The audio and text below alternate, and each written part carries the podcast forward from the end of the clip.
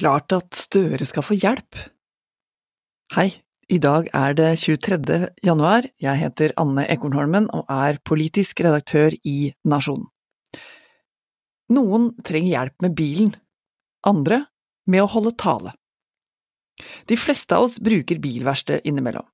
Vi går til frisøren i stedet for å klippe oss sjøl foran speilet, og mange hyrer inn malere for å sikre at hus og vegger blir seende bra ut når vi pusser opp. Ingen har kompetanse på alt. Ulike yrker fylles av folk med ulike evner og interesser. Noen er spesielt opptatt av alt som vokser og gror, de blir kanskje potetbønder eller gartnere. Noen er pedagogisk anlagt og velger å bli lærere. Andre er journalister og blir på fritida hyra inn som sekretær i styret for datteras korps, for du er jo så god til å skrive. Noen ganske få blir filmregissører, og enda færre statsminister. Siden daværende statsminister Einar Gerhardsen talte til folket nyttårsaften 1946, har tradisjonen vært holdt i hevd. Denne uka syns NRK det var et nyhetsoppslag verdt at Jonas Gahr Støre fra Arbeiderpartiet fikk hjelp av regissør, fotograf og manusforfatter Erik Poppe da han skulle holde nyttårstalen 31. desember i fjor. Er det så rart, da? Hvorfor skulle ikke Støre be om råd fra ekspertise? Poppe står bak filmer som Kongens nei og De usynlige. Han har én Amanda-pris for beste film og er fire ganger mottaker av Den norske filmkritikerprisen, blant andre utmerkelser. Han kan. Han veit hva som treffer publikum, hvordan nå fram på rett måte. Jeg bidro med å forbedre måten det ble gjort på, hvordan det skulle se ut og hvordan talen kunne uttrykkes, sier Erik Poppe til nrk.no. Han ga altså regi, sånn regissører gjør. Innspill på hvordan man bør bevege seg foran kamera, hva som ser naturlig ut. Tips om hvordan man tar en tekst som er skrevet på forhånd, og gjør den muntlig, forståelig, tilgjengelig og ålreit å høre på og se. Å hente inn kommunikasjonshjelp er ikke uvanlig når sånne taler skal gjennomføres, forklarer flere retorikere til NRK. Så her er kanskje nyhetsverdien at konsulentjobben denne gangen ble gjort av en mann som er mer profilert innenfor sitt yrke enn mange andre.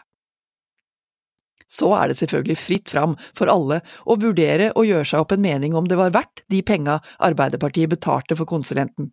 Blei talen bedre? Funka det? De siste åra har Jonas Gahr Støre klart, delvis i hvert fall, å riste av seg tåkefyrstestempelet. Det hefta særlig ved ham i åra før og rundt stortingsvalget i 2017. Politikk er også kommunikasjon, og Ap-lederen blei ofte, og blir fortsatt, beskyldt for å være uklar, vag, ordrik og distansert. Som filmregissør Poppe sier til nrk.no, er det ikke tvil om at regjeringa har hatt kommunikasjonsutfordringer, så det var fint å kunne hjelpe til. Han setter ord på det mange har tenkt og sagt. Denne regjeringa sliter med å få fram budskapet. Ser velgerne hvilken politisk retning Ap og Sp vil? Kjenner de igjen det prosjektet de faktisk stemte på i september 2021? Det handler ikke bare om at de politiske sakene og gjennomslaga drukner i utenrikspolitisk dramatikk, dyrtid og gjennomtrekk i statsrådsmannskapet.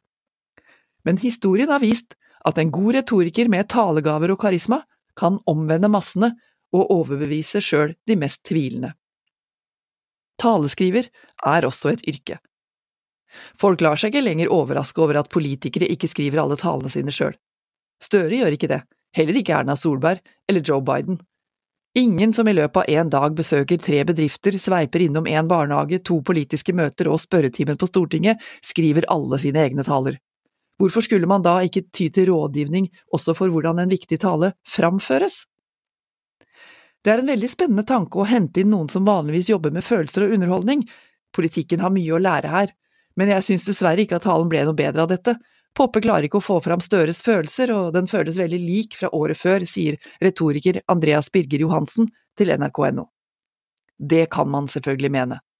Det er i det hele tatt mye man kan kritisere både Jonas Gahr Støre, regjeringa og andre politikere for. Du kan være dypt uenig i meningene de, de forfekter, du kan hevde at de mangler handlekraft, du kan ta dem for manglende resultater og gjennomslag, og ikke minst anklage dem for uakseptabelt rot i saker utafor politikken som ødelegger for både tillit og fokus. Å gjøre et stort nummer ut av at statsministeren får profesjonell rådgivning med kommunikasjon, bommer allikevel på mål. Det er like dumt som å kritisere ham for å hyre inn en rørlegger til å ordne badet, eller en gravemaskinfører når han må fikse ei grøft. Regi er også et håndverk, og av og til er det åpenbart lurt å få hjelp til å se seg sjøl utafra. En statsminister som ønsker å bli bedre, det bør man kanskje ikke klage på. Dette her var Nasjonen på øret. Anne Ekornholmen heter jeg, og flere kommentarer fra oss i Nasjonen finner du på nettsida vår, nasjonen.no, åpent for alle som vil lese, og der du hører dine andre podkast. Ha en god dag!